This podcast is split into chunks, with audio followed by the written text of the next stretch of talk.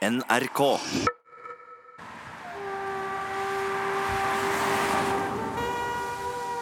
Og endelig så fant vi et skilt. Ja, og her står det jo Schehusestrasse og Varoslacht. Én kilometer.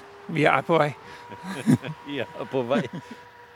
I et tidligere program reiste vi til Teutonerburgerskogen.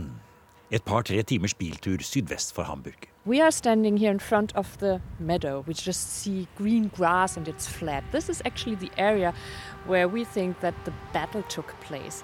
Then we look into the En liten grønn slette midt i et ganske øde område. Preget av torvmyrer, sump og skog. I dag er det et moderne museum og en stor park i Karl Krise. Akkurat på stedet der man tror at det berømte slaget fant sted for 2000 år siden. I år ni i vår tidsregning ble verden rystet i sine grunnvoller akkurat på dette stedet. Nå skal vi ned, Jon, i en eh, romersk eh, leir. Ned i en, kanskje en skyttergrav eller i en forskansning. Det er første gang du kanskje er i? Det tror jeg. Jeg har aldri sett før. Mitt. Nå går vi ned trappen her. Vi kommer ned, Det er sandjord. Ja. Og nå går vi ned enda et nivå. Vi går nede i en arkeologisk utgravning. Durch den Menschen geprägte Kulturlandschaft mit, den, mit großen Ackerflächen drumherum. Ähm, seit 30 Jahren, seitdem es Kalkriese gibt, ist diese Fläche hier, der Oberesch, aus der Acker, Beackerung rausgenommen. Profiler gjennom kulturlagene tar oss med tilbake fra nåtid via dyrkingsspor i middelalderen til romertiden. Og for den saks skyld videre ned til det fine sandlaget fra siste istid. Nye funn fra romerske soldater på Mars, biter av kokekar, våpendeler, mynter og ikke minst den berømte romerske ansiktsmasken har blitt funnet i tiden etter de første metalldetektorfunnene på 1980-tallet. Og nå arkeologiske spor etter det som tolkes som en romersk natteleir, kastet opp i all hast av de romerske soldatene der de blir forfulgt og jaget av geriljahæren til germanerne. Romerne var lurt i et bakhold, angrepet i et sumpområde mens de var under marsj. Kanskje en flere kilometer lang marsjkolonne med tungt utstyr og hjelpetropper. Og så vet vi at akkurat her vi står nå, så er vi antagelig innenfor en sånn liten nødleir den første natten. Første- Her har det vært mye skrik og skrål og sorg og tenners gnitsel. Ja, her må det ha vært eh, ganske forferdelig å bli angrepet gjentatte ganger av folk du ikke kan se, som stikker av igjen ut i skogen. Du kjenner myrterrenget her. Som, det har jo selvfølgelig blitt mørkt, og det har vært sånn som vi står her nå. Det har vært sikkert tåkete, det har vært regn, de har vært våte, de har vært slitne. De er såra, de har gått langt. De har ikke fått spist ordentlig. Eh, Og, så eh, blir de angrepet gang på gang med stikkvåpen og annet, eh, slynger og annet. De kan tenke seg at de har blitt angrepet fra, fra alle kanter mens de har gått gjennom her. Prøvd å, å skinne sammen her på denne som nå er en liten slette, som kanskje, kanskje kunne romme noen tusen mann. Hvis de har vært så mange som har klart å slå en leir her og, og kjempe seg gjennom natta. Og så er det hvor går veien eh, for de som overlever dagen etter. Hmm. Men det var ikke mye håp om å overleve dagen etter. Germanerne ga seg ikke før tre legioner var totalt nedkjempet. Det er historiker Jon Iddeng, ekspert på Romerrikets vekst og fall, som er med oss i Teutonerburgerskogen. I forrige program fortalte han om den germanske høvdingsønnen Herman, som hadde fått sin utdannelse i Romerriket og tjent i den romerske hæren. Nå var han vendt tilbake til sjeruskerne i Germania og forsøkte å forene noen av de germanske folkeslagene nord for Rhinen, hvor romerne sjelden kom. Herman ville gjøre opprør og slå romerne, men det virket usannsynlig. Herman trengte en stor seier. Han måtte vise at det var mulig å slå verdens mektigste imperium. Og vi kjenner nå tar vinden tak her oppe på toppen. Vi står på utsiktspunktet og eh, ser eh, vestover, faktisk. Eh, på området hvor dette berømte slaget i Teutonerburgerskogen sto. Og det er jo Teutonerburgerskogen vi står og ser utover her. Det som er igjen av den, rester av trær. Og nedi en av disse treklyngene nedi her en plass, så var det altså hodet til Varuslov, holdt jeg på å si. For han innså jo også at slaget var tapt. Men han ble ikke drept av Herman. Nei, Han tok selvmord, sier historien. Noe som jo var ganske vanlig for eh, romerske hærførere når de ser at de har tapt et slag, istedenfor ydmykelsen av å bli tatt til fange og kanskje bli henrettet av fienden eller brukt i et eller annet propagandaøyemed. Eh, så, så tar, man, eh, tar man sitt eget liv. Og det gjorde han da, før han ble halshogd etterpå. Det kunne jo ha vært slutten på historien om stattholder Varus. Men han fikk evig liv i historiebøkene. Som generalen som tapte tre legioner romerske soldater til ville horder av germanere. Og Herman selv, hans prosjekt om å forene de germanske folkeslagene, lyktes bare som passe. Men også han ble superverdensberømt, ikke minst 1800 år senere, da den tyske samling begynte å rulle under Bismarck og keiser Wilhelm den første. Ja, Det er ingen tvil om at vi fortsatt er i Teutoburgerskogen, for her står det store skilt.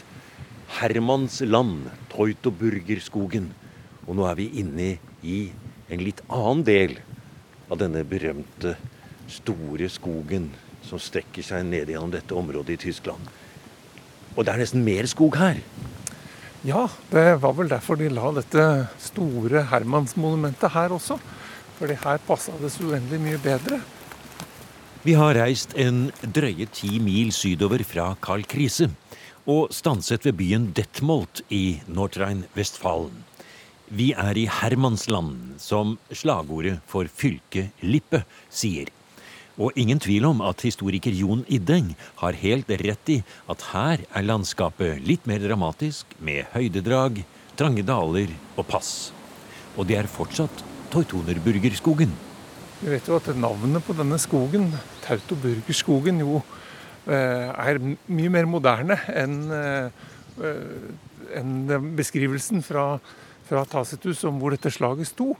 Eh, og vi husker jo også disse tautonene, som jo egentlig var noe folkeferd som kom opp fra Jylland, eh, kanskje. Oppe i hvert fall skandinaver, sammen med kimbrerne som kom ned og herja romerne. Det var jo første gang romerne møtte på germanere, så var det når de kom. Så, så det er faktisk fra de mer nordlige stammene av selve navnet på skogen og området kommer, altså? Ja, det må vi kunne tro. Så, så, Herman han var jo sjerusker, som vi har hørt. Og det er altså da en av de andre folkeslagene. Ja. Å, å, se her! Nå skjer det noe. Nå skjer det noe her. Og her ser vi Det reiser seg et Ja, ja vi, må, vi, vi må ikke Tenk om Der står selveste Herman i øyeblikket med ryggen mot oss og hever sitt sverd høyt opp mot himmelen. Og det er på en måte en sånn frihetsstatue man tenker på, den er grønn, irret og stor. Ja, dette er et, eh, dette er et monument, må vi si. Og det monumentet skal vi snart gå opp i for å se på utsikten. Men først må vi få vite hvordan det gikk med Herman og den germanske samlingen. Riktignok hadde germanerne vunnet en knusende seier i år ni. Men fem år senere, under en ny keiser, kom general Germanicus med enda flere legioner og streifet gjennom akkurat det området vi er i nå. Germanerne skulle straffes, og som historiker Jon Ideng sier, vi vet jo ikke så veldig mye om de historiske detaljene.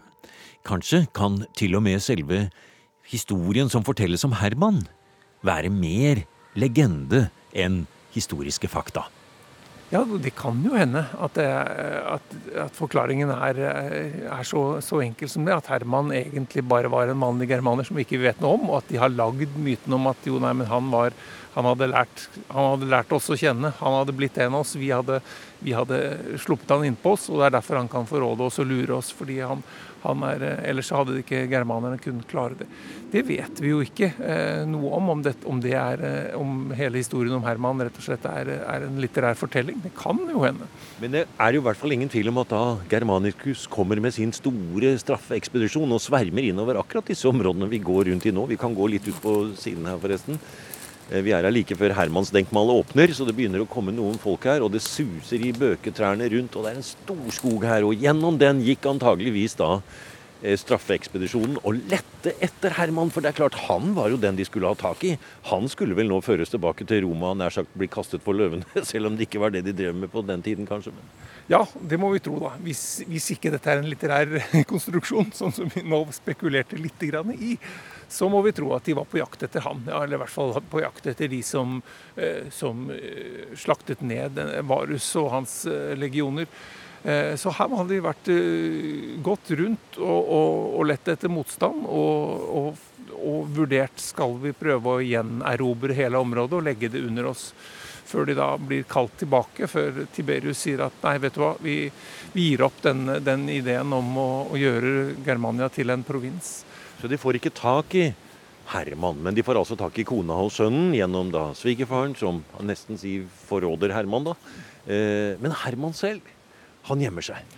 Han gjemmer seg og kommer seg unna, og fortsetter da sin kongstanke da, om å samle eh, germanske folkeslag til et større Germania, et Germania eh, libera, altså et, et fritt Germania.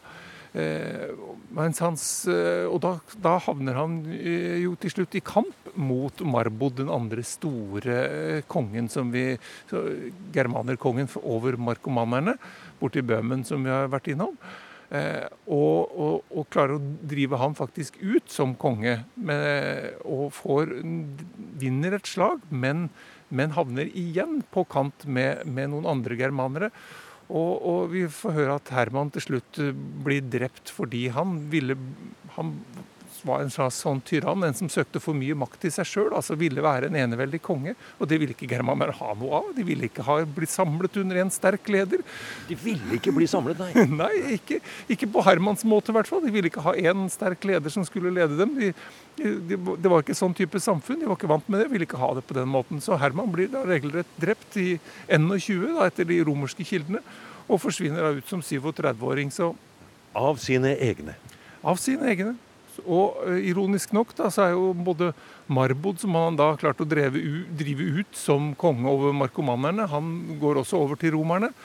Og han blir plassert i Ravenna sammen med Tusnelda, eh, kona til Herman, og hans sønn. Og de blir litt sånn fanget der i Ravenna. Eh, de er, de er slags gisler også, da. De er fienden, og der, der, må de, der, må de, holde seg. Nå blåser det så kraftig her at vi går litt lenger inn i den eh, fine skogen her og får litt le her. For vi er jo flere hundre meter over havet nå, og selv om det er litt grått og overskyet, så er vi kan vi se litt utover. Vi skal se litt mer på landskapet etter hvert, men nå Her var det bedre le. Kommer vi oss inn i, i, i skogen her, og der vi går på en seng av blader her. og En flott skog, da. Det er det jo. ja. ja. ja. Eh, og La oss få høre litt mer om denne perioden i de første par århundrene inn i vår tidsregning, hvor det er uro igjen i det nordgermanske riket. Og Kanskje det er eh, nettopp pga. det at nå er det et marked for leiesoldater og tropper. Det er uro. Man kan enten marsjere fra Norge, nå, nåtidens Norge og Sverige, som jo selvfølgelig ikke het det den gangen. Så blir det jo litt feil å kalle det for Norge og Sverige, men fra den eh, nordvestskandinaviske kystene da, så kan man samle tropper. Marsjere ned gjennom eh, nåværende Jylland, kanskje gå i land muligens i Århus, gå gjennom Ildrupdalen, som vi i hvert fall vet helt sikkert at noen har gjort en gang. For der ble de slått og ligger tusenvis av, av, døde der. Men kanskje andre greite seg, og vi vet at det var en ting man gjorde. Man søkte ned til dette konfliktområdet, for her var det mye ære og rikdom å, å hente. Hvor lenge varer denne perioden? Den, den varer jo rekker veldig lenge, egentlig. Eh, denne, denne kontakten eh, med, med romerne eh, og, og, krigføringen. Dette, hva hadde man å tilby? Jo, man har jo, man har jo mannsmot og kraft å tilby. Romerne begynte å rekruttere stadig nye soldater langs grensen, noen ganger over grensene. Først i hjelpetroppen og utover, utover i keisertida, som, som eh, nesten alle hadde fått borgerrett innafor riket, så begynner de til og med å rekruttere direkte germanere inn i de romerske legionene under Diokletian, som jo øker antallet legioner betydelig også. Så da får man jo igjen et spørsmål om lojalitet noen ganger. da. Er det lojalitet bare til den lokale hærføreren, eller er det til et, til et Romerrike? Har det noen ting å si lenger? Og Det er jo det som kanskje er kimen til oppløsningen litt av Romerriket også. At både disse militærutgiftene blir så dyre, ekspansjonene stopper opp. Eh, og lojaliteten til soldatene er så som så. Det er til egen hærfører. Det er han som betaler lønna, det er han som sørger for krigsbytte. Det er han som, eh, som de har å stole på at de har en fremtid i det hele tatt. Ja. Nå er vi på vei inn på innsiden av Hermansenka. Her kan vi tenke oss 1800-tallets billettluke. Sånn en lang kø bak oss av mennesker. Vi stopper ved her nå. Den er nedlagt nå, den billettluken. Men nå er det jo elektroniske billetter og sånn. Men det var jo et populært sted da, dette her, når den kom. Veldig mye brukt da. Det er ikke til å nekte at den aggressive utformingen av Herman-monumentet har fått oss både til å trekke på smilebåndet og samtidig grøsse litt. Det er den rene nasjonalsjåvinistiske symbolbruken, med full krigsmundur på Herman, inkludert vinger på hjelmen, et sint blikk og sverd og skjold hevet direkte mot Frankrike og det står originale oppslag fra 1870-årene om at hele monumentet er til ære for seieren over Napoleon, og ikke minst at et forent Tyskland vant krigen mot erkefienden Frankrike i 1871. I gresset nede i parken er det et stort bronserelieff av Bismarck og hyllest til samlingen av Tyskland i 1870-årene. Og mens vi går oppover, tenker vi også på at dette stedet ble hyppig brukt av de tyske nasjonalsosialistene i 1930-årene. Og det er også nevnt et sted at selveste føreren var på besøk her. Vi lurer litt på hvor vi er. Her er det en stor eiketrestør, og der står det 'Kain Aufgang'. Så det er nok bare for vedlikehold helt opp på, på sverdet, det, da. Ja. Men her kan vi gå ut. Nå går vi ut midt oppe på steinfundamentet, og så reiser da Herman seg over oss. Ja, nå er vi på baksiden, ja. Wow. Å, ikke sånn det blåser. Å, se her hvis vi går på den siden, jo. Nå revner skylaget opp. Og vi ser utover et tysk Dorf-landskap med en del vindmøller og industri. Men det er skog, og det er åser.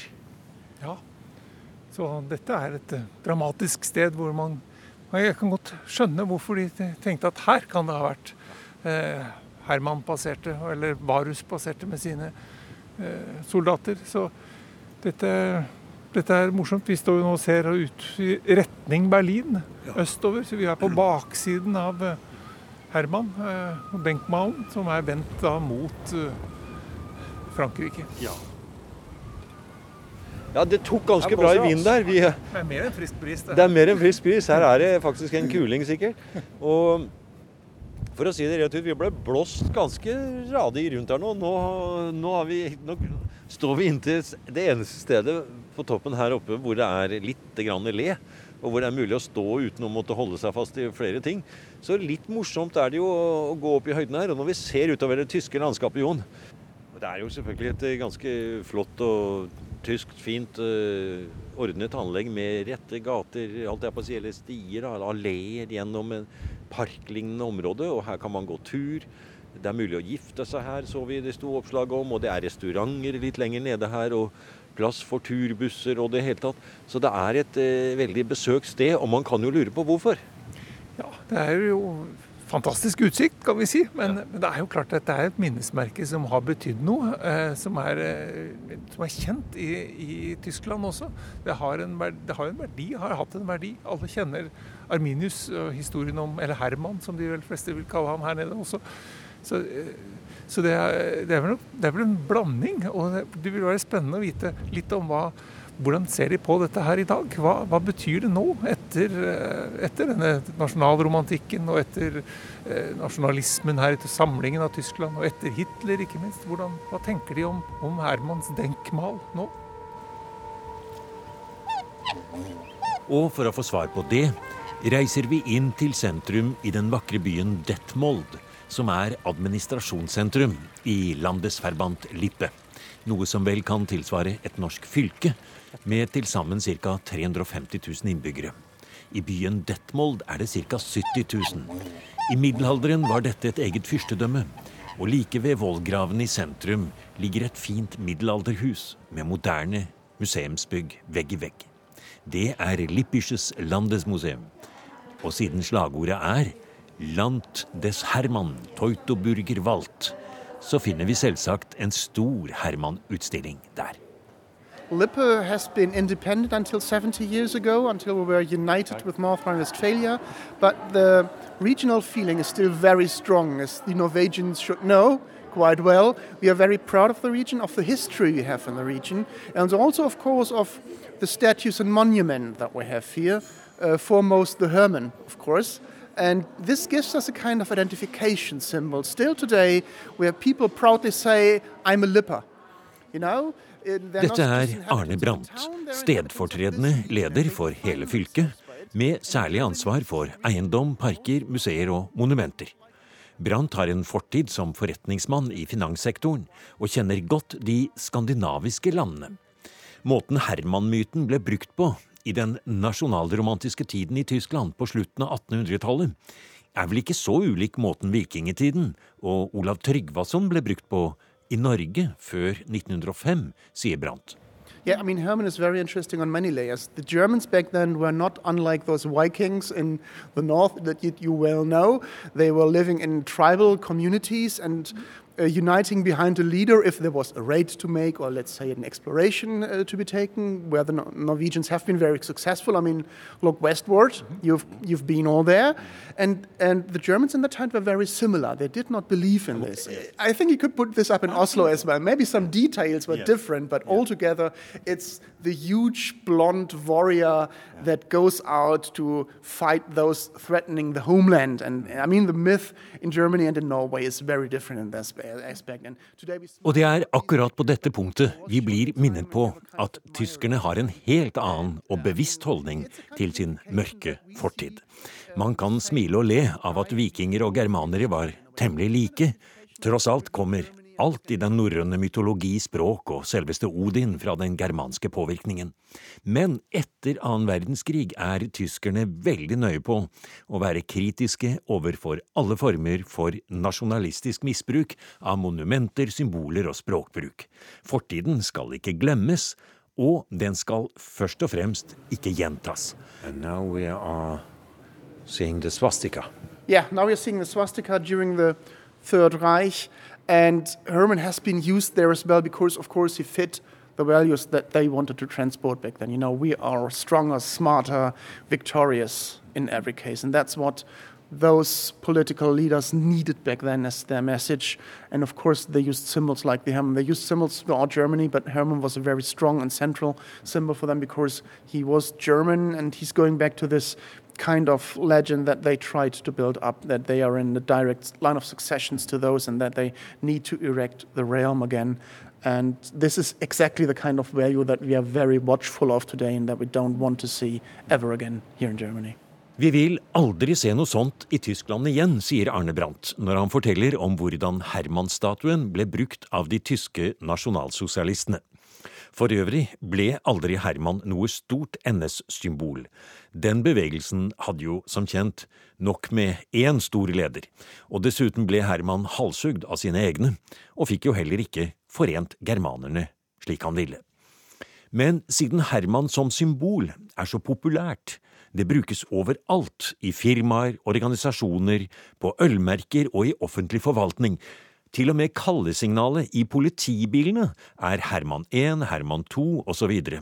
så da må vi sørge for at Herman blir forbundet med noe positivt, sier Arne Brandt. Nå skal Herman symbolisere samhold, et forent Tyskland. After 1989 he became very, very popular. And it's been seen as what it was intended when it was built um, a symbol for the German unification, which became, of course, very popular after 1989. And luckily, it's seen as a symbol of a peaceful unification there we are. We had no bloody revolution in Germany so far from the inside, and Hermann is a kind of symbol for that. Um, unification without any internal fight, without any blood that is spilled, just by doing it and seeing it in a positive way. It's already used today, and every official letter you will get from the authorities in this region is branded by Land of Herman. So he's on there, and um, besides, you know, the official seals, there's always the Herman on there. So it's used for um, identification and reception today by every authority that we have in this region. But it's also used by many companies, by many um, associations, what have you, um, it, because it's a strong symbol. And even the police cars, their call signs are Herman 1, Herman 2, Herman 3, whatever. So Herman is throughout all our life today, actually. Du har nå hørt en podkast av programmet Museum fra NRK P2. Og send gjerne en e-post til museum krøllalfa nrk.no.